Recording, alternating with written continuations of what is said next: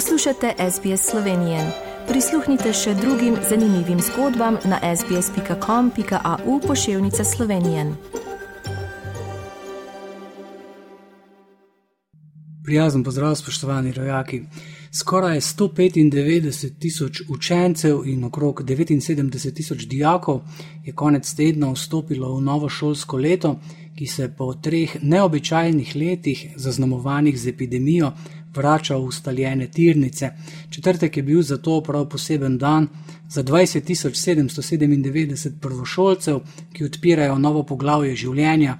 Številni starši šoloobveznih otrok po vsej državi pa se medtem v teh ne najbolj rožnatih časih spopadajo z vse dražjimi šolskimi potrebščinami in učbeniki, ki jih morajo plačati sami za vsaj na papirju brezplačno šolanje otrok.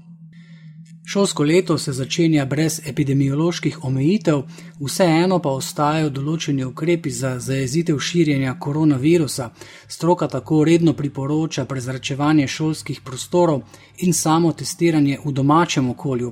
Med letošnjimi novostmi pa je tudi spremenjen termin zimskih počitnic, ki bodo zaradi svetovnega prvenstva v nordijskem smučanju v planici predstavljene na teden med 30. januarjem in 5. februarjem za vzhodno, oziroma na teden od 6. do 12. februarja za zahodno polovico države. Sicer pa v Sloveniji te dni najbolj odmeva razkritje portala Necenzurirano, da je nekdanja vlada Janeza Janše v veliki tajnosti načrtovala gradnjo podzemnega predora pod Šubičevo ulico v Ljubljani, ki bi poslancem državnega zbora in članom vlade omogočal, da se v posebej zaostrenih varnostnih razmerah, kot so množični protesti, umaknejo na varno. Že pred letom dni je bilo v političnih krogih mogoče slišati, da Janševa vlada zaradi strahu pred protestniki razmišlja o gradni predora, ki bi omogočal evakuacijo iz zgradbe državnega zbora do podzemne garaže pod trgom republike. Razkriti dokumenti pa zdaj to dokazujejo, da se je projekta pod vodstvom tedanjega notranjega ministra Aleša Hojsa vlada že lotila. Tudi na ministrstvu, ki ga zdaj vodi Tatjana Bobnar, so pri tem zaznali več sumov kaznjivih dejanj, ki so jih naznanili policiji in specializiranemu državnemu toživstvu. Doslej so na policiji ugotovili, da je dokumentacija, ki je doslej stala že skoraj 21 tisoč evrov, popolnoma neuporabna, saj zemljišč, pod katerimi bi kopali predor, ne ministerstvo in ne policija nimata v upravljanju in po veljavni zakonodaji, nihče od njih sploh ne more vložiti zahteve za odobritev gradbenega dovoljenja. Evropska komisija je pripravila prvo oceno množ, možnih kratkoročnih ukrepov za spopadanje z visokimi cenami elektrike, ki bi se v letu dni utegnila podražiti za kar 12 krat. Komisija tako ocenjuje, da bi bila najbolj ustrezna uvedba treh medsebojno prepletenih kratkoročnih izrednih ukrepov. Med njimi sta tudi uvedba cenovne kapice za cenejše tehnologije proizvodnje elektrike ter pomoč odjemalcem pri nižanju računov. Med možnimi ukrepi so neposredna finančna pomoč, ki jo je uvedlo največ držav članic, pa tudi regulacija maloprodajnih cen elektrike.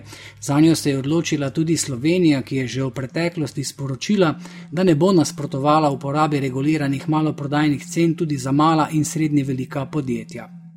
Za konec pa še športno-logistična novica. Slovenski košarkari so v Nemčiji branjenje krone na Evropskem prvenstvu začeli zelo udarno, potem ko so premagali Litvo. Toda na uvodni obračun turnirja so se trenutni prvaki pripeljali kar s taksiji, saj so za manj čakali na avtobus.